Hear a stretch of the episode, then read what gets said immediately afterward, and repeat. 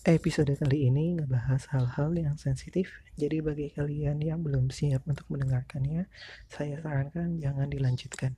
Tapi kalau kalian yang masih penasaran dan masih pengen mendengarkan, silahkan dinikmati. Ya, selamat malam. Jika kalian tidak mendengarkan podcast ini malam-malam, selamat pagi, selamat siang, selamat datang di podcast Sebat Dulu. Sebelum mulai, kita sebat dulu.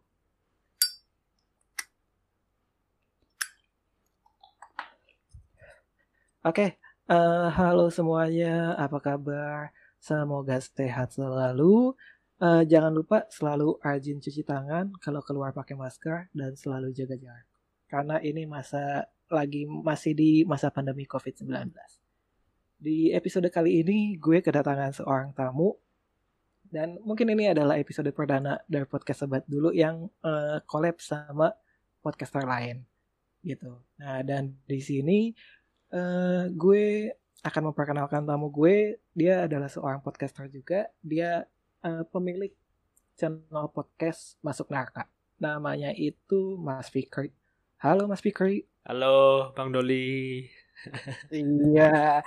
Nah, ini uh, kebetulan gue tahu channel podcast Masuk Neraka ini uh, setelah gue dengar podcastnya Bang Arne ya yang interview lu tentang uh, podcast lu juga gitu. Iya. Nah, di sini gue juga mau nanya-nanya nih tentang uh, uh, gue nggak kayaknya gue nggak akan menanyakan apa yang sudah ditanyakan sama Om Rane di podcastnya hmm. gitu. Hmm. Jadi yang mau gue tanyain ini kan lu bikin podcast kurang lebih dari dua bulan yang lalu ya dari bulan April. Iya, gue pertama gitu. upload tanggal 23 April itu episode pertama gue.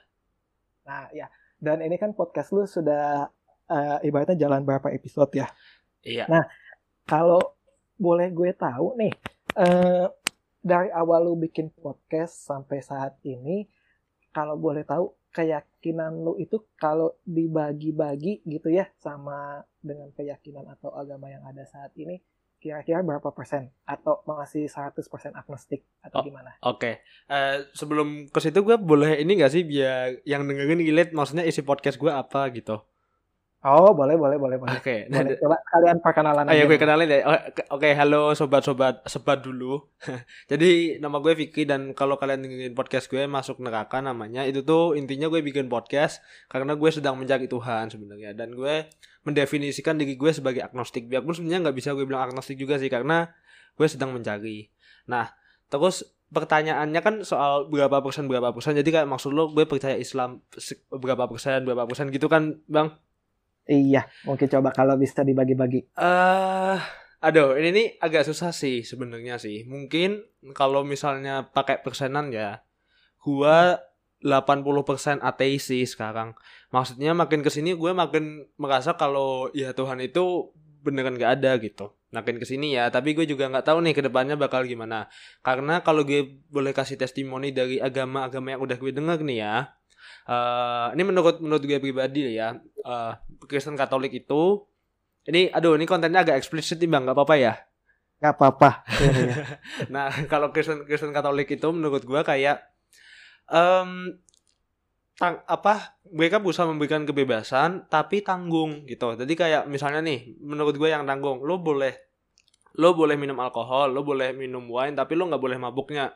Dan menurut gue kayak ya tanggung aja. Kenapa lo nggak sekalian nggak ngebolehin alkohol. Kalian nggak bolehin aja. Iya, gitu. sekarang nggak bolehin alkoholnya aja karena itu penyebab ke, uh, penyebab mabuknya kan. Itu tuh uh, sama aja kayak lo naik mobil atau naik motor, lo nggak boleh kecelakaan, tapi lo boleh kebut-kebutan. Yang bagi gue ya kalau lo mau nggak mau kecelakaan, lo hindari nih kebut-kebutannya. Berarti diregulasi dilarang kebut-kebutan, maksimal kecepatan hmm. 100 km per jam kalau di tol atau misalnya 60 40 kalau di kota. Nah, itu tuh kayak harusnya kayak gitu menurut gua nah di Kristen Katolik itu itu enggak terus kalau di Islam eh, tadi kan di di Kristen Katolik nanggung nih di Islam menurut yeah. gue over terlalu over oh. jadi oh. jadi misalnya nih eh, kita bisa kena hukum siksa neraka gara-gara istinjak kita istinjak atau istinjak itu kalau yang nggak tahu itu kayak ceboknya gitu loh ya kalau lo habis buang yeah. air besar buang air kecil terus lo bersih bersihin alat kelamin lo itu enggak apa namanya nggak bersih atau misalnya nggak sesuai dengan tata cara Islam. Atau misalnya lu mandi mandi besar nggak sesuai urutannya gitu. Kayak gitu gitulah uh, lu bisa kena siksa neraka yang menurut gue lah, over gitu jatuhnya buat nge iniin apa meng, mengatur diri kita. Maksudnya ibaratnya dosa kecil tapi uh, punishmentnya hukumannya iya, itu berat gitu. Iya berat berat banget menurut gue. Kayak um, oke okay lah orang-orang yang Islam bilang kalau Islam itu masuk ke sendi-sendi kehidupan. Tapi menurut gue terlalu over buat diatur. Terus nah lah nih ya yang gue agak apresiasi bukan apresiasi sorry kayak gue suka konsepnya adalah konsep Hindu kan. Di mana oh, iya. uh, kayak ini Hindu banyak versinya nih tapi dari yang gue dapat dari temen gue itu tuh Hmm, Hindu tuh punya satu Tuhan utama lah semacam gitu namanya San, uh, Sanyang Widi yang di mana tuh dia nggak digambarkan cahaya. Terus kemudian baru kayak ada interpretasinya baru ada namanya Saraswati ada Brahma ada bla bla bla gitu ada dewa-dewa yang biasanya dipatungin gitu kan nah yeah. itu dan tiap tuh uh, tiap manusia tuh bebas menginterpretasikan Tuhannya. Intinya kayak gitu. Yang gue uh, gua gua suka berarti uh, manusia lebih diberi kebebasan gitu. Terus habis itu uh, dia tuh juga maksudnya nggak uh, nanggung gitu ngaturnya maksudnya uh, dia hanya mengatur hal-hal yang tepat gitu. Jangan mencuri hmm. jangan membunuh uh, dan lain-lain gitu. Kayak uh, menurut gue aturannya tuh di hal-hal yang tepat. Cuman mungkin gue harus lebih memperdalam lagi karena gue belum sedalam itu belajar Hindu dan uh, gue belum uh, dan yang gue nggak suka kurang suka dari Hindu adalah konsep kasta mereka. Jadi konsep kasta itu gue kurang suka karena ya intinya lo menurut gue kalau lo lahir sebagai manusia lo lo bakal sama gitu. Nggak peduli ras lo apa nggak peduli kekayaan lo kayak gimana nggak peduli lo lahir dari keluarga siapa lo akan lahir uh, dengan derajat yang sama gitu. Nah di Hindu itu kan nggak di Hindu kan lo punya kasta gitu kan. Walaupun di Hindu modern di Hindu yang sekarang uh, sistem kasta mulai dihapuskan tapi tetap ada gitu. Maksudnya itu emang dasarannya ajaran Hindu. Nah terus kalau yang lain kayak Buddha Taoisme Konghucu gue jujur aja gue masih harus banyak belajar karena gue juga sampai di saat ini di titik episode ini ya. Ini kita rekaman tanggal 30 Juni itu gue belum punya uh, narasumber kayak gitu. Jadi gue nggak berani banyak bicara gitu sih mungkin oh, oke oke oke jadi kalau misalkan boleh disebutin uh, sekarang dari awal mula lu bikin podcast ini agnostik sekarang lu lebih agak ke ateis gitu ya. Iya, bisa aja uh, le iya lebih kayak gitu sih. Mungkin ya. Ini mungkin ya karena ya. ada faktor narasumber gue banyak yang ateis. Itu mungkin ada faktor uh, itu. Dan gue sekarang mencoba untuk karena gue judulnya aja mencari Tuhan ya.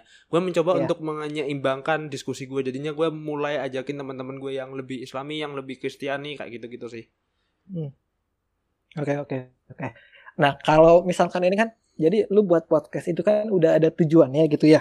Uh sebagai media lu untuk uh, mencari Tuhan untuk uh, perjalanan spiritual lu. Uh nah kalau semisalkan lu sudah menemukan Tuhan lu dan perjalanan spiritual lu itu sudah ibaratnya apa sudah lengkap gitu podcast ini mau tetap dilanjutkan atau enggak podcast masuk nerakanya ini nih? Uh, sebenarnya tergantung banget. Ini pertanyaan yang di uh, sama ditanya sama Bang Kane sebenarnya dan jawaban oh, ya? ya dan jawaban gue kalau di Bang Kane satu kan ini sekarang gue nambah satu lagi gue kepikiran sih sebenarnya. Yang jawaban hmm. pertama sama kayak Bang Kane, gue bahkan bikin bikin episode terakhir yaitu kayak pamit gitulah pamit dari podcast uh, gue cerita per, gimana perjalanan spiritual gue gue gue kayak gue ringkas gitulah. Gue ringkas dan gue oh. sekarang percaya apa dan gimana gue bisa percaya bla bla bla. Terus gue pamit dari podcast. Itu kemungkinan pertama. Kemungkinan yeah. kedua podcast gue jadi podcast agama. Jadi uh, misalnya nih gue jadi Buddha atau jadi Hindu gitu ya atau gue bener jadi ateis gue nggak tahu gue bakal jadi apa.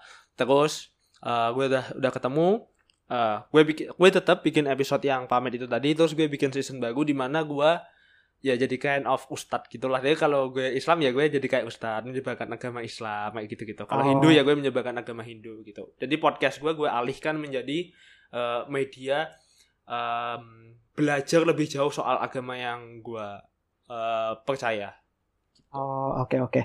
Jadi nggak bikin channel podcast baru lagi nih, yang isinya beda gitu, yang isinya lebih ke arah apa namanya, uh, lu menyebarkan apa, memperluas tentang keyakinan lu gitu. Tapi masih ada di satu podcast masuk neraka ini gitu. Cuman yang season pertama berakhir dengan lu salam perpisahan dan episode-episode selanjutnya itu uh, lebih ke arah perluasan tentang keyakinan lu. Iya, sampai di titik ini sih gue masih kepikirannya kayak gitu sih bang. Kalaupun mau bikin podcast baru ya sebenarnya gue udah ada kepikiran podcast baru, ta baru tapi topiknya bener-bener jauh dari ini sih, dari masuk neraka ini sih. Kayak gue tuh pengen uh, ngangkat teman-teman gue tuh kayak banyak yang bikin kayak NGO NGO gitu non uh, apa sih LSM LSM LSM gitu atau misalnya ah. grup-grup mentorship kayak gitu gue mau ngangkat mereka sih lewat podcast tapi itu kayak ya udah kita lihat nanti lah gue masih fokus sama podcast masuk neraka ini sih masih fokus sama penjagaan spiritual gue oke oke oke siap nah ini kan gue juga gak dengerin podcast lu nih ya. uh, nah dan di episode 1 itu episode perkenalan gue inget banget nih lu bilang katanya akan ada episode lu isinya monolog ah. atau uh. isinya dengan narasumber uh. tapi selama di 30 Juni ini kan udah ada 17 episode nih. Yeah. 16 episode itu isinya sama narasumber semua nih. Uh. Episode monolognya ke mana nih? nah itu dia. Karena mon bikin monolog itu susah, susah.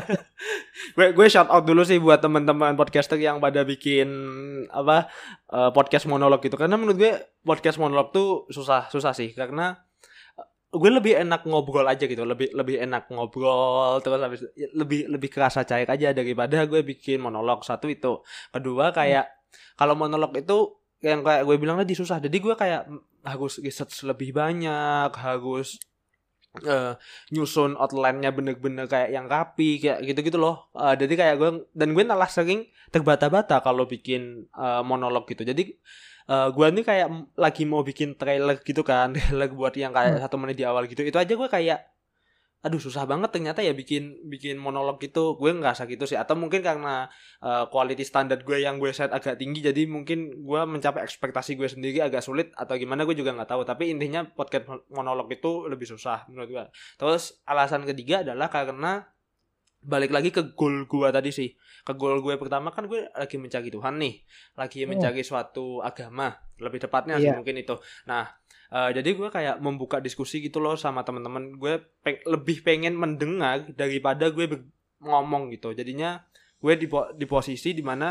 gue ada ibarat podcast ini tuh ruangan um, hmm. ini ruangan uh, gue datengin kayak mentor gitu loh kayak mentor uh, kayak Google les privat tolong ajarin yeah. tolong ajarin gue apa yang lo tahu gitu. Kayak lebih tep, jadi gue lebih di posisi gue lebih mendengarkan daripada gue berargumen gitu. Nah sedangkan kalau gue di monolog jatuhnya mesti gue kan lebih berargumen kan lebih apa yang gue percaya apa yang gue tahu gitu gitu. Dan uh, takutnya ketika gue kayak gitu jatuhnya goal gue jadi salah nih jadi yang awalnya monolog eh jadi yang awalnya mencari Tuhan malah jatuhnya menistakan agama gitu sih.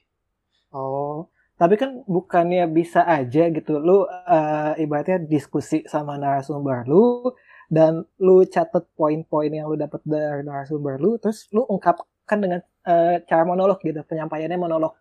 Uh, Jadi di episode uh, ini dengan narasumber ini ya cuman narasumbernya nggak usah pakai suara atau apa uh, tapi lu monologin hasil diskusi lu sama narasumber itu kan kayak gitu juga bisa.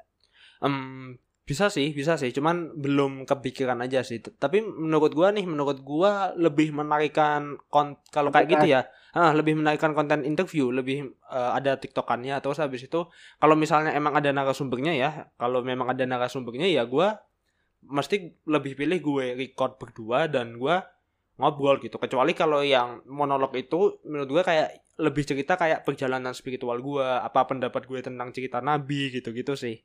Kayak dan gue masih nyimpen banyak banget di benak gue pertanyaan gitu sih. Hmm. sebenarnya. Dan oh, mm, dan gue maksudnya kalau sebenarnya gue di episode awal itu udah mau kepikiran mau gue jadiin monolog gitu kan agak banyak. Jadinya kayak konten pertama interview konten kedua monolog terus interview monolog. Gue sebenarnya awalnya kepikiran gitu. Tapi kayak ah nggak lebih asik diskusi karena gue lebih pengen lagi, di posisi gue lebih pengen mendengar daripada didengar gitu sih oh ya ya ya ya tapi gue ada ide nih buat lu biar hmm. uh, lu apa namanya uh, bisa uh, monolog juga ya yeah. kan podcast lu ini namanya podcast masuk neraka ya uh -uh. yang ngebahas hal-hal sensitif tentang ketuhanan agama dan spiritual iya yeah, banget uh, bisa ya kan sensitif banget gitu bisa aja kan eh, pendengar lu gitu lu minta aja coba eh, kirimin kisah-kisah perjalanan spiritual eh, pendengar lu terus mereka bisa DM atau email lu dan lu bacakan gitu Ah, bisa jadi sih. kan eh, bahasanya bahasannya kan bukan diskusi cuma membacakan cerita dari pendengar-pendengar lu itu gitu. Hmm. bang gue waktu pas SD ngalamin kejadian kayak gini gini gini terus kejadian itu membuat gue begini begini begini gitu kan kayak gitu bisa Hmm, oh iya. itu yang bagus itu ini ya I- iya sih bisa bisa bisa sih. Thank you bang sarannya. Ya ntar coba mungkin gue lakuin ya. Jadi kayak semacam surat pembaca gitu ya. ah iya kayak Eh, gitu surat pembaca, surat pendengar kalau surat pembaca. ah iya iya iya bisa iya. sih, bisa sih. Kayak gitu. Belum belum kepikiran sampai di tahap itu sih karena eh, jujur aja gue sampai di tahap ini kayak gue masih kepikiran karena selain gue podcast eh eh benar tujuan utama gue sebenarnya bukan di- jadiin podcast tapi emang gue pengen dapat ilmu baru gitu loh podcast itu cuman istilahnya bahkan kendaraan aja supaya orang mau gue undang kayak kayak lebih kayak gitu sih jadi kayak eh ya tapi tapi ntar coba gue iniin sih coba gue lakuin deh itu kayaknya ide bagus deh iya. Soalnya banyak oke. temen gue kayak yang udah eh, waktu eh, khususnya episode pertama ya kayak episode pertama Iya. itu banyak yang bilang oh iya gue juga sama Vic kayak lo kayak gini gini gini gini. Tapi pas mereka gue undang ke podcast gue nggak mau karena merasa kayak aduh terlalu sensitif nih masih takut buat bilang ke publik gitu. Mungkin bisa gue kayak bikin eh bikin dong surat pembaca gitu ya ntar gue eh surat pendengar surat pembaca lagi surat su- surat pendengar ntar, ntar gue bacain gitu. Nama lo gue anonim ya bisa deh itu. Ide bagus ide Iya. bagus. Iya. Thank you thank you bang thank you bang. Oke, balik lagi nih. Jadi kan podcast lu itu tentang perjalanan spiritual ya, tentang lu mencari Tuhan Ya. gitu. Lu eh, masih meragukan keberadaan Tuhan itu ada atau tidak dan tentang ajaran-ajaran Tuhan yang ada saat ini itu seperti apa Hmm. gitu. Yang ngebawa lu, ngebantu lu untuk eh, ngedapetin kesimpulan kalau gue yakin tentang ini gitu. Gue Iya. yakin Tuhan itu ada dan ajaran Tuhan itu seperti ini gitu. Ah, Nah, cuman kan eh, Tuhan yang lu maksud kan Tuhan yang ada di dunia ini ya, iya dong. gitu ya Tuhan yang ada di, di dunia ini gitu. Tapi kan dunia ini kan eh, kalau secara astrologi kan ini luas gitu. Kita kan nggak cuma bumi doang, ada Mars, ada Venus, ada planet-planet yang lainnya. Gitu. Hmm. Lu Percaya nggak adanya alien? Percaya nggak adanya alien? Iya. Percaya percaya aja sih maksudnya emang alam semesta kan gede ya. Eh, Iya. Jadi gue eh, tidak bisa eh eh, tidak menolak juga kalau bisa bisa jadi ada kemungkinan ada kehidupan selain di bumi dan itu menurut gue bisa banget sih. Tapi Tuhannya tetap satu, tetap ada. Eh, nah itu mungkin agak sulit ya. Eh, bisa jadi iya, bisa jadi enggak. Tapi kayaknya menurut gua, gua nggak tahu sih kajian agama soal alien ya. Tapi Iya. kayak menurut gua kalau misalnya emang ada, kayak pasti itu udah bakal dimention berkali-kali gitu loh di agama. Dan kayaknya agak jarang sih em, agama yang mention soal ada kehidupan selain di bumi atau gue yang pemahaman agama gue belum jauh ya gue juga belum tahu tapi setahu gue eh, nggak ada jadi mungkin mungkin ini mungkin ya kalau misalnya gue analogikan ke negara ah, Hmm. bumi itu misalnya itu kayak Indonesia gitu punya pemimpin eh, Pak Jokowi gitu Iya. Nah itu itu Tuhannya gitu. Ini ini analogi sederhana aja ya. Tentu nih Hmm. nggak bisa disamakan kayak gitu ya. Terus habis Iya. itu kayak ada negara lain. Oh ada Malaysia, ada Singapura dengan eh pemimpinnya sendiri-sendiri dengan Tuhannya sendiri-sendiri. Jadi aturan mereka tuh beda-beda gitu. Mungkin Oh. kayak gitu. Mungkin gue juga tidak tahu kalau masalah itu. Ya. Tapi intinya lu percaya kalau alien itu ada gitu ya. Eh bukan percaya alien itu ada, tapi gue tidak menolak kalau ada kemungkinan ada kehidupan di luar bumi. Oh, ya, meskipun apa pokoknya ada kehidupan eh, yang lain di luar bumi ini gitu ya. Iya. Oke. Eh, kalau ngomongin bumi ini nih, bumi yang kita tempatin, tempat tinggal kita ini, Hmm. eh, kan udah ada sejarahnya panjang gitu ya. Kira-kira eh, lu tahu nggak umur bumi itu sekarang kalau misalkan secara masehi kan mungkin umurnya masih 2020. Hmm. Cuma kalau secara total keseluruhan gitu ya, dari awal adanya bumi ini sampai saat ini, eh, kira-kira lu bisa eh, ngitungin nggak umurnya itu udah ada berapa sekarang? Udah berapa tahun atau udah berapa lama? Tentu kalau gue yang suka ngitung nggak bisa. Cuman karena gue sebagai seorang yang environmentalis juga atau orang yang Iya. cukup mencintai lingkungan. Jadi setahu gue penelitiannya bilang bumi itu berumur sekitar 4,5 miliar tahun. Itu sih dari awal terbentuknya ya. Uh, bisa kalau di rupiahnya bisa beli rumah lah satu ya.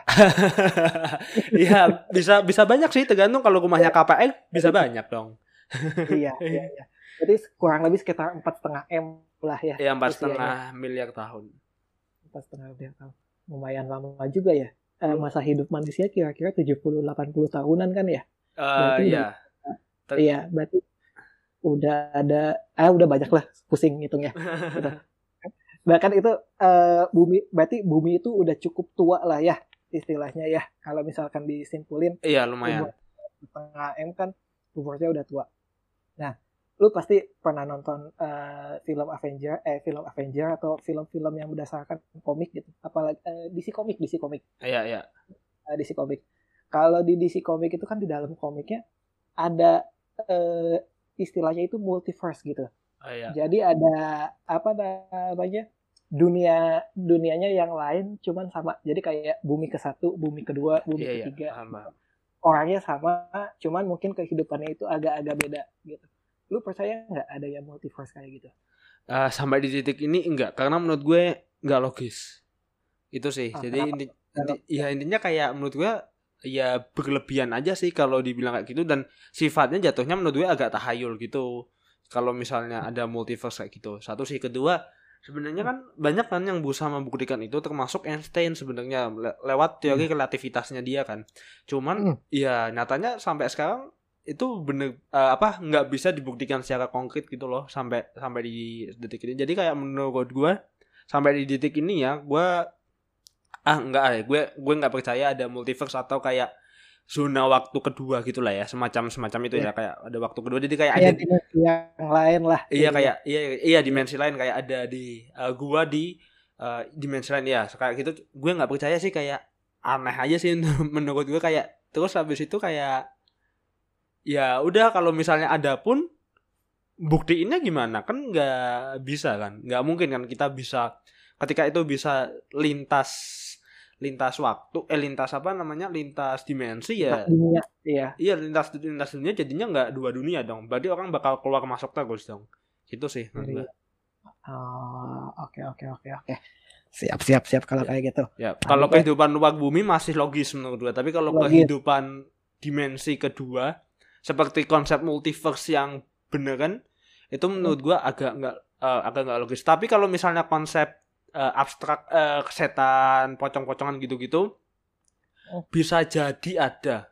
Gue gue kurang nah, percaya tapi iya. bisa jadi ada. Karena menurut gue masih masih secara logika masih ini secara gue ya penangkapan gue masih iya. mungkin gitu loh. Ada sesuatu yang uh, mata kita tuh nggak bisa lihat tapi sebenarnya ada gitu. Kan contohnya aja kan angin. Angin kan ada kan. Angin tuh iya. ada kita bisa ngerasain tapi kita nggak bisa lihat secara visual. Jadi itu kayak masih mungkin walaupun menurut gue gue agak kurang percaya. Tapi masih tahu kalau tapi kalau multidimensi ada gue di dimensi kedua enggak sih. Oh iya.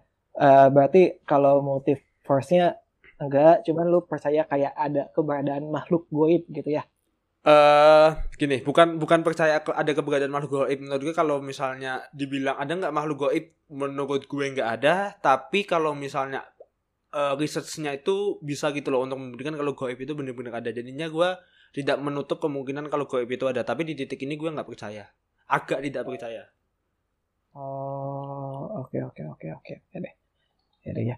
Kalau gitu kan uh, balik lagi nih ke masalah bumi nih buminya okay. kan usianya udah empat setengah tahun empat setengah miliar tahun eh empat setengah miliar tahun hmm. dan lu nggak percaya ada bumi-bumi yang lain gitu ya yeah. ada ada multiverse nah uh, sepanjang sejarah manusia gitu ya dari awal uh. kan kita tahu uh, sebelum ada manusia itu ada zaman zamannya dinosaurus tuh. Iya, teori evolusi. Eh, eh kayak nah, dinosaurus, ya, ya, dinosaurus, oke. Okay. Dinosaurus hidup uh, dinosaurus. Nah, kan uh, banyak yang bilang kalau dinosaurus itu punah oleh hujan meteor. Oke. Okay. Nah, tapi kenapa kalau dipikir-pikir dari zaman dinosaurus punah sampai sekarang hujan meteornya itu belum turun-turun lagi ke bumi. Hmm. Karena oh ini ini udah ya. Ini gue jawab ya. ya. Kar- karena menurut gue itu kejadian luar biasa yang bukan terjadi uh, secara rutin kayak cuaca atau hujan atau kebakaran hutan misalnya itu itu kejadian yang luar biasa banget yang nggak terjadi secara rutin. Jadi uh, ini kalau dibaca teorinya dinosaurus ya dinosaurus itu ya. selain mati karena bencana alam karena bumi itu mengalami perubahan. Jadi kalau ya. misalnya ya, ya gue bukan ahli sains jadi kalau salah gue tolong dikoreksi kan bumi itu uh, uh, apa terciptanya karena Big Bang. Big Bang ada satu apa sih istilahnya kayak bola api besar jedek gitu kan meledak iya. jedek meledak uh, gitu ya mendingin terus jadi planet-planet jadi bumi jadi Neptunus dan lain-lain nah di situ tuh awalnya bumi itu panas banget terus jadi hmm. dingin dingin dingin terus intinya bumi itu mengalami perubahan terus yang awalnya dulu jadi uh, semua itu satu pulau terus jadi terpisah gitu gitu jadi selain karena hujan meteor karena alam yang berubah dari bumi Oh, uh, jadi gitu ya? Iya kayak iya iya iya benar-benar zaman es, zaman batu hmm. kayak gitu-gitu. Uh, jadi kayak ada bumi yang berubah jadi um, ekologi apa sih bahasanya kayak anatomi atau ekologi dari dinosaurus itu nggak bisa bertahan. Ini kalau gue salah tolong dikoreksi nih karena gue bukan ahli dinosaurus nih. Nah terus menurut gue kenapa kok hujan meteor itu terjadi di zaman dinosaurus tapi nggak terjadi lagi di zaman ya karena itu kejadian luar biasa kayak uh, lo tahu letusan Krakatau yang memisahkan Jawa dan Sumatera Iya. Ya, it, ya itu kan terjadi uh, berapa ratus tahun yang lalu kan. Kalau dipikir-pikir loh kok uh, gunung api yang ada banyak di Indonesia kok nggak meletus lagi memisahkan pulau apa gitu misalnya Merapi gitu memisahkan DIY sama Jawa Tengah gitu misalnya kan. Ya karena itu kejadian luar biasa yang nggak terulang secara rutin gitu atau misalnya tsunami Aceh 2004. Tsunami Aceh itu kan nggak Aceh doang tuh yang kena ada Sri Lanka, ya. ada gue lupa Haiti banyak, ya, ya gue kena banyak, banyak lah. ya. Thailand juga kan. Gue lupa ada negara banyak kena. Terus 2004 ini udah 16 tahun ya 16 tahun. Ya. sebelum 2004 pun nggak ada tsunami yang gedenya segede itu yang sampai kena dunia gitu loh. Kok oh. uh, kok itu apa namanya cuma terjadi sekali doang? Ya karena itu kejadian luar biasa banget yang bukan kejadian yang berulang kayak hujan yang setahun sekali gitu-gitu sih menurut gue bang Oh, oke oke oke. Nah, kalau misalkan ini kan sekarang lu lebih ke ateis ya, lu iya. nggak ada apa uh, kurang percaya adanya Tuhan. Hmm. Cuma kalau misalkan kiamat itu benar-benar ada ya, uh, kiamat benar-benar ada. Uh, kalau menurut lu itu waktu pas kiamat kan ada musibah di mana-mana tuh, gunung merapi iya. meletus, yeah. banjir di mana-mana. Nah, um, menurut lu setelah kiamatnya itu udahan atau selesai, buminya itu tetap ada atau buminya ikut meledak kayak teori di Big Bang waktu pas awal gitu. Jadi yang dari ledakan jadi ledakan juga. Uh, menurut gua ya ini pendapat pribadi ya gua nggak tahu nih yeah. bener apa enggak secara sains atau secara agama atau apa pun kayak menurut gua uh, bumi itu kan semakin tua. Nih gue ini gue berbicara sebagai environmentalis banget nih. Bumi itu kan semakin tua, makin makin panas, es di kutub mencair, eh, ozon semakin menebal yang akhirnya sinar ultraviolet terjebak di dalam bumi dan lain-lain. Jadinya uh, karena bumi ini semakin tua dan kita nggak ngerawatnya, itu tuh kayak uh, apa ya terjadi perubahan besar gitu di bumi. Makanya bisa jadi ada tsunami gede-gedean gunung meletus yang bisa banyak. Itu tuh menurut menurut gue tuh ada faktor itunya. Nah terus apakah buminya meledak lagi? Um, aduh agak agak susah sih. Menurut gue enggak sih. Menurut gue berubah aja buminya. Jadi misal buminya tetap ada tapi kayak misalnya tapi udah penuh sama lahar jadinya isi inti bumi itu keluar semua jadi menyelimuti bumi yang jadi manusia tuh nggak bisa tinggal di sana kayak kayak lebih ke gitu sih. Jadi buminya tetap ada, ada tapi tapi kehidupannya itu udah nggak ada gitu ya, ya? kehidupannya itu nggak ada atau dengan versi yang berbeda gitu gitu kan jadi kayak semacam kayak yang teori Big Bang lah berubah kan teori Big Bang uh, penciptaan bumi kan dari uh, dari dingin terus habis itu jadi panas eh jadi bumi eh dari bumi yang panas jadi bumi yang dingin jadi bumi yang sekarang nah terus jadi panas lagi. Menurut gue kayak gitu sih. Bukan yang meledak lagi sih. Gitu. Oh ya berarti kan uh, kalau misalkan abis kiamat buminya tetap ada gitu. Dan kalau misalkan uh, kiamatnya udah selesai nih udahan nih uh, setelah meninggal kehidupan setelah meninggal gitu ya kehidupan afterlife kalau menurut lu itu ada atau enggak?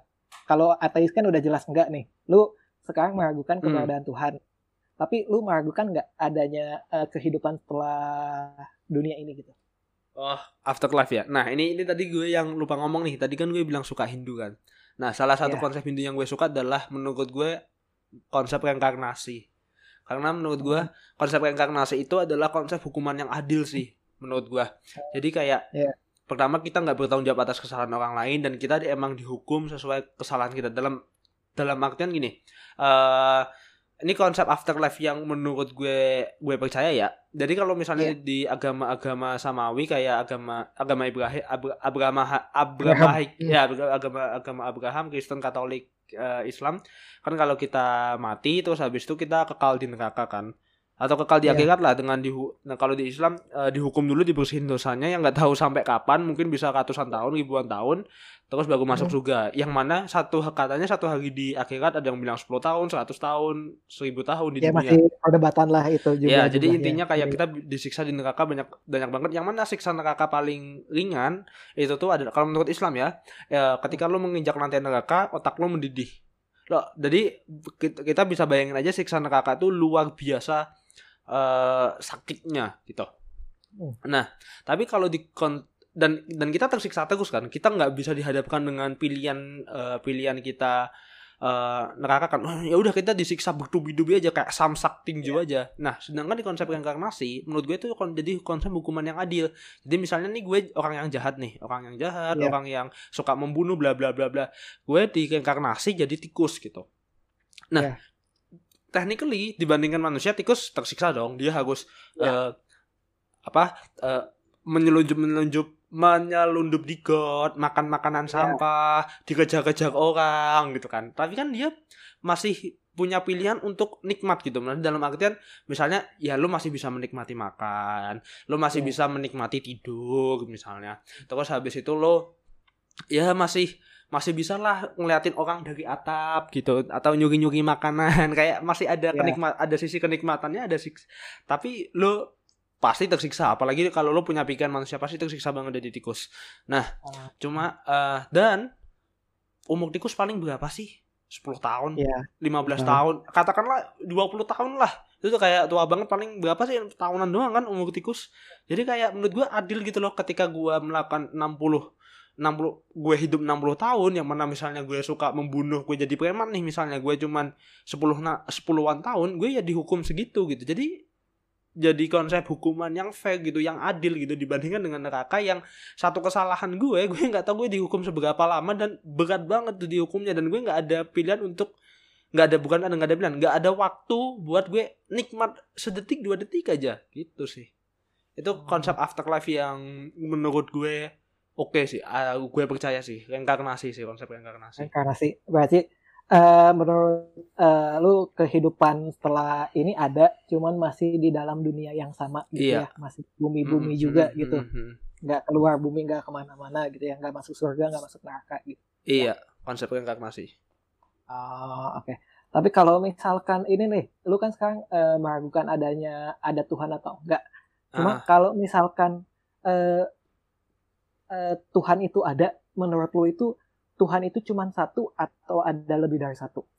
Tuhan itu ada satu atau lebih dari satu. Kalau ada menurut gue ah nah ini agak ini agak susah nih. Menurut gue satu sih satu sih satu tapi ini sa- sampai di titik ini ya.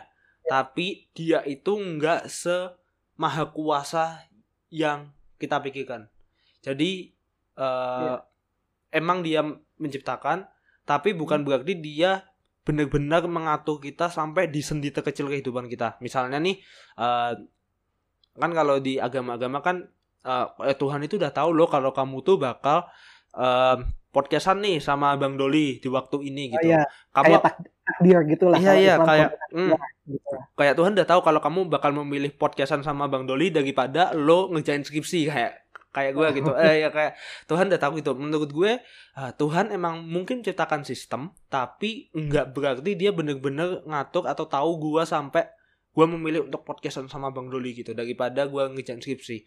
Jadi kayak yes he oh, atau it ya mungkin ya bukan he ya. It, it is exist tapi bukan uh, semaha kuasa yang um, kita pikirkan gitu. Menurut gua sih, gua nggak tahu sih.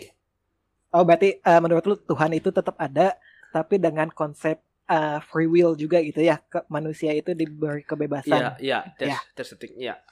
Ah, ya, ya, ya, I see, I see. Nah, itu kan uh, satu atau lebih dari satu. Pertanyaan selanjutnya nih, kalau menurut lu Tuhan itu berbentuk atau enggak? Tuhan itu berbentuk atau enggak? Iya. Um, kalau misalkan emang ada gitu, ada bentuknya atau enggak? Gitu. Uh, ini agak susah sih pertanyaannya. kan ini keyakinan lu gitu ya. Eh, iya. Uh, lu bicara podcast ini kalau misalkan emang Tuhan okay. beneran ada, ada bentuknya atau enggak?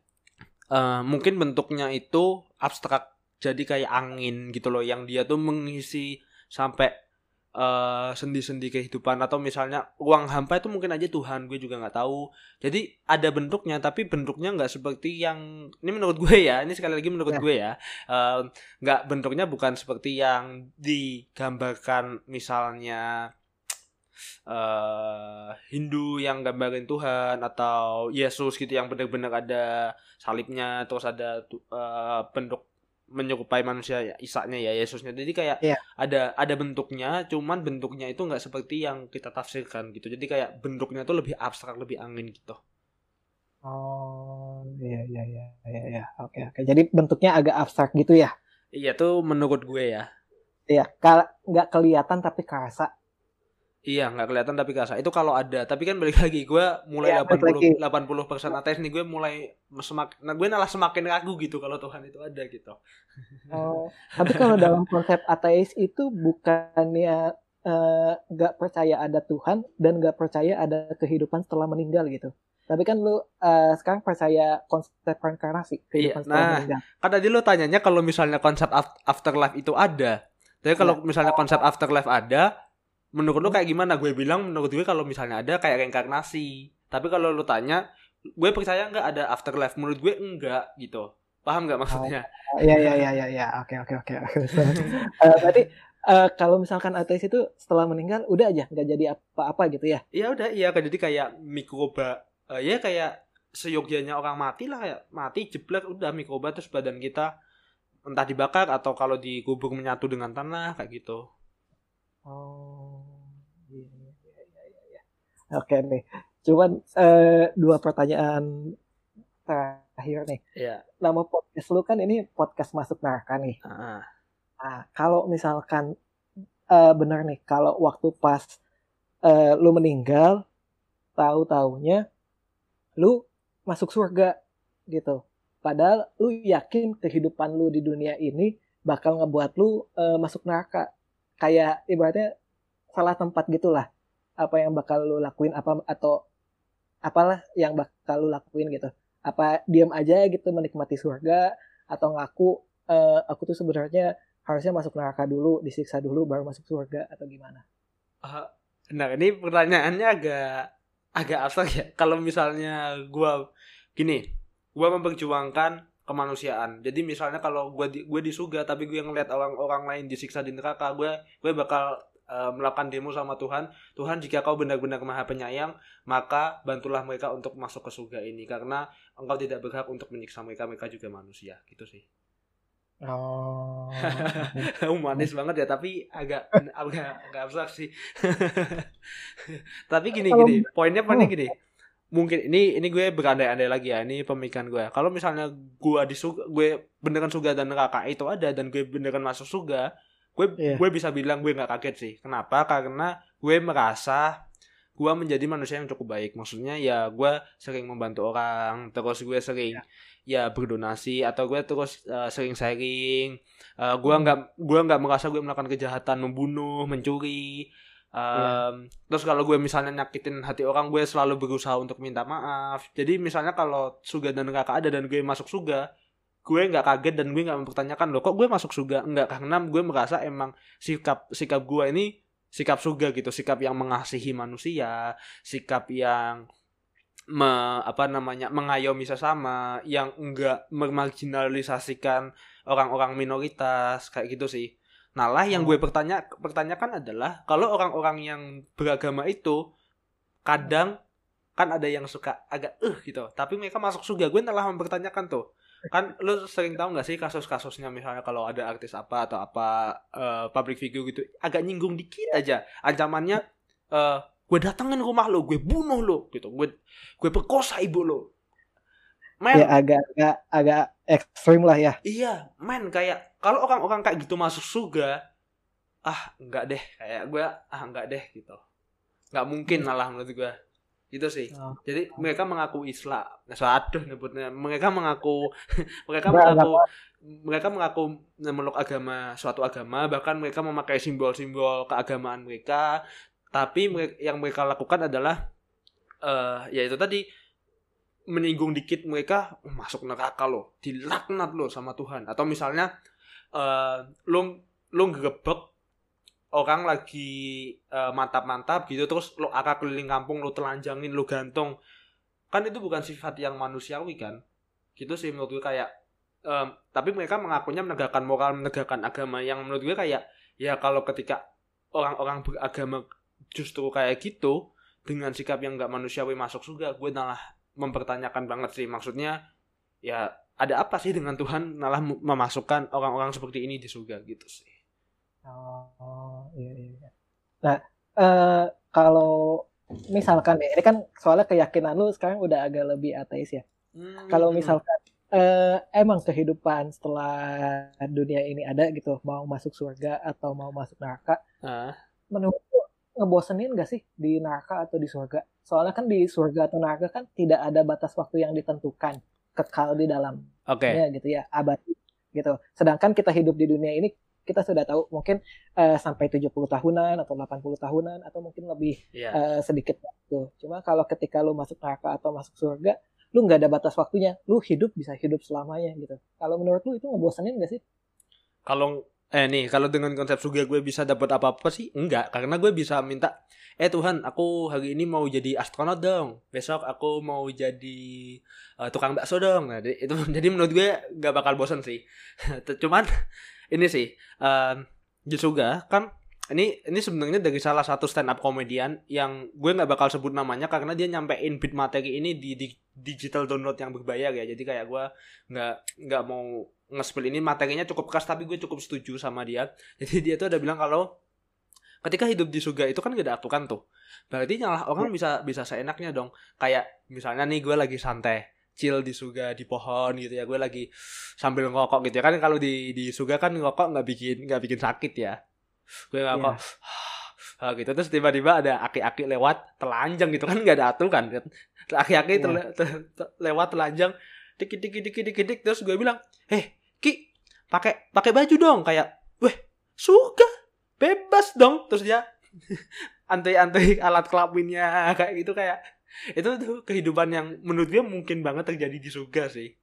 Atau iya. misalnya yeah. lo yang lo yang uh, tiba-tiba kayak wah ada kan lo ceritanya juga abadi ya nggak bisa mati ya. Wah lo ada hasrat buat ngebunuh orang gitu. Kayak lo tiba-tiba bacok-bacokin orang gitu. Karena lo udah masuk surga dan itu menurut gue kayak iya bisa bisa banget sih terjadi di surga kehidupan yang kayak gitu. Make sense oh, sih iya. menurut gue. Uh, ya kan itu make sense gitu. Jadi kita bisa ngelakuin hal-hal yang kita kita pengen dengan semaunya. Cuma kan karena nggak ada batas waktunya kita kan juga pasti akan merasakan bosan gitu. Kalau kalau gue gue pribadi sih kalau menurut gue agak ngebosenin gitu. Soalnya uh, gue pasti ada keinginan pengen ngelakuin ini pengen ngelakuin itu.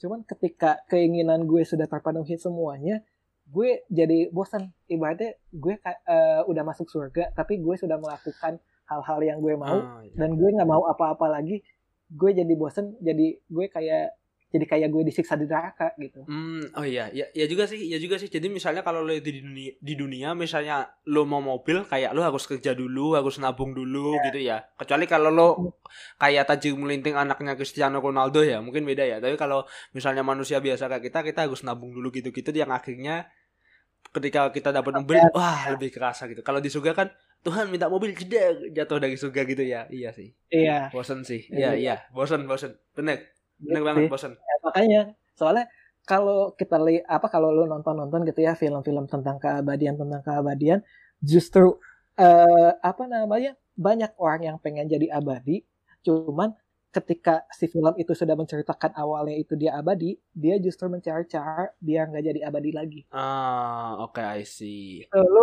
pasti banyak eh, ketemu film-film yang kayak gitu gitu. Banyak banget. Mungkin ya banyak banyak kan film yang nyeritain pengen jadi abadi. Cuma kalau yang dibalik lagi, yang awalnya udah abadi, pasti dia nyari cara biar nggak abadi, biar dia bisa mati tenang gitu. Hmm, Jadi ya mungkin, hmm. ya, mungkin jadi balik lagi ke konsep ateis, jadi kayak udah nggak jadi apa-apa gitu. Habis mending Iya mati, dah, mati iya aja. mati aja. Atau misalnya malah ya balik lagi. Ini kalau misalnya bisa di level kepercayaan, level pertama gua gue mati ya udah, level kedua reinkarnasi sih. Menurut gue itu nggak bosenin sih. Lo kehidupan Ya, pertama jadi tikus, kehidupan kedua jadi kucing, nggak bosen lo. Beda bosen. lo. Kalau kalau kalau dengan konsep reinkarnasi itu nggak bosen. Gitu. Jadi ya. Oke sih. Paling gue ah, kayaknya udah kelamaan. Cuman gue mau coba apa namanya? Kalau soalnya lu udah ke ateis ya, Iya. dan ini eh, gue nggak bermaksud untuk ngebujuk lu memeluk suatu agama Oh, atau gimana. Nggak apa-apa, nggak apa, Cuma- bujuk, bujuk aja. Banyak kok yang bujukin gue. Jadi soalnya kalau apa namanya kalau misalkan disuruh pilih agama mungkin eh, posisi saat ini lu lebih ke Hindu gitu ya. Iya, Nah, kalau agama. Gue eh, apa namanya mau ngebantu lu gitu ya. Eh, gue ini sebenarnya dapat video dari YouTube juga dia ngejelasin kenapa dia memeluk agama itu gitu. Yang pertama eh, apa namanya konsep sang pencipta gitu konsep Tuhan. Hmm. Kalau misalkan apa namanya Tuhan itu ada, berarti kan agama apa nih yang dipeluk, Tuhannya apa, gitu. Nah, kalau eh, agama Judas Judaisme gitu atau Yahudi itu Hmm. eh, menurut gue kurang make sense. Soalnya kalau Yahudi itu eh, lebih ke arah keturunan, meskipun selain keturunannya bisa masuk juga, cuman kurang make sense gitu. Eh, Tuhan itu apa ibaratnya kayak nggak universal Hmm. kalau untuk Yahudi gitu kalau untuk Kristiani gitu baik Protestan atau Katolik bukan maksud menyinggung atau gimana kalau lu udah percaya dengan konsep eh, ketuhanan maka lu eh, yakin Tuhan itu eh, punya kuasa gitu jadi Hmm. Tuhannya itu nggak mesti capek-capek susah payah turun ke bumi untuk meyakinkan umatnya lalu mati lalu menghapus dosa-dosa umatnya gitu. Kalau emang Tuhan mau menghapus dosanya tinggal kayak tek langsung hapus aja diampuni dosa-dosanya Ah. gitu. Nah, kalau misalkan apa namanya? eh apa tuh? Kalau dalam Islam Hmm. diajarkan eh apa namanya? kayak tata cara untuk menjalani kehidupan yang lebih detail lah ibaratnya. Oke. gitu. Kalau misalkan eh, jadi kalau nanti gue kasih deh linknya. Jadi kalau di argumen itu ada ada ada empat pilihan agama nih. Yang satu ateis. Cuma kalau ateis kan sudah langsung di eh, curse karena kita percaya ada adanya Tuhan gitu. Sedangkan ateis kan Ah. nggak percaya Ah. gitu. Kalau untuk eh, Yahudi atau Judaisme itu kan masalah keturunan dan eh, nggak lebih cocok gitu, nggak lebih universal. Kalau Ah. untuk masalah Kristiani itu kalau misalkan Tuhan emang maha pengampun ya kenapa nggak langsung diampunin aja dosanya? Kenapa sih mesti susah-susah payah gitu? Hmm. Dan kalau misalkan Islam argumennya sih karena eh, dia ngebawa petunjuk cara kita menjalani hidup dan eh, bekal kita untuk di akhir zaman. Ah, Gitu Oke. sih. Terus lu ngajak gue jadi jadi apa nih? Atau lu ngasih tahu uh, inti-inti dari Ya. macam-macam aja? Enggak sih, yang ngasih tahu aja lah. Oke, oke, siap. Thank you. Kalau misalkan bujuk mungkin dengan lo menjalanin podcast masuk neraka ini ke depan-depannya lu bakal dapat pencerahan yang lain gitu, yang insight lain. Jadi Hmm, mungkin keyakinan lo tentang ateis ini kan bisa aja jadi berubah gitu ya. ya, bisa banget, bisa banget. Eh, ya, gitu. Udah sih eh, sebelum penutupan, lo mungkin ada pesan-pesan atau komen-komen gitu yang bisa disampaikan Eh, pendengar. pesan-pesan apa ya? Mungkin gue mau minta maaf aja sih buat para pendengar podcast sebelah dulu karena argumen-argumen gue kan tadi cukup ya lumayan lumayan gitulah lumayan gitu. Jadi gue minta maaf kalau misalnya ada yang menyinggung. Dan kalau mm, lo merasa kalau argumen gue salah kayak ya udah gue open banget buat diskusi open banget buat uh, dikoreksi. Uh, gitu sih. Terus habis itu mungkin mungkin ini aja sih kalau gue um, lo boleh kok beragama tapi jangan terlalu fanatik jangan terlalu um, apa ya akhirnya lo menutup diri gitu buat semuanya. Jangan lupa kalau lo emang percaya sama nabi lo nabi Muhammad atau lo percaya cerita-cerita Rasul lo harus lo harus ingat gimana orang-orang fanatik pada zaman pada zaman itu. Ketika Rasul datang dia menyebarkan agama orang-orang itu nggak mau menerima. Orang-orang itu bilang dia gila lah dilemparin kotoran lah diperangin lah. Begitu juga dengan Nabi Ibrahim ketika dia bilang kayak Tuhan itu bukan berhala. Um, terus habis itu ketika itu dibakar lah sama Raja Namrud dan lain-lain dan cerita-cerita uh, agama lain yang mungkin gua nggak terlalu dalam tapi intinya adalah lo harus ingat kalau orang-orang di zaman itu nggak mau terbuka sama diskusi sama pendapat orang mereka merasa ketika kepercayaan mereka diserang itu tersinggung.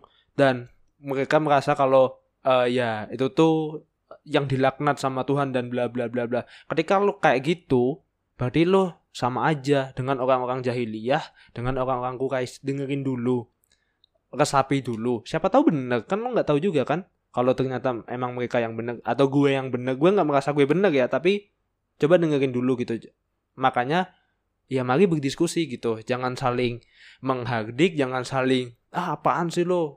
Sok-sokan ini ini ini. Nggak men nggak men.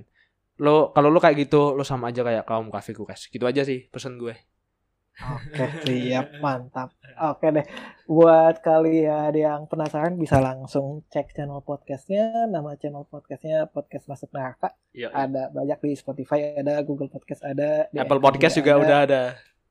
Hah? Apple Podcast juga udah ada sekarang. Oh iya, Apple Podcast juga udah ada gitu. Atau bisa lu langsung DM ke Instagramnya Masuk Neraka atau podcast uh, Instagram pribadinya Mas Fikri. Mau disebutin?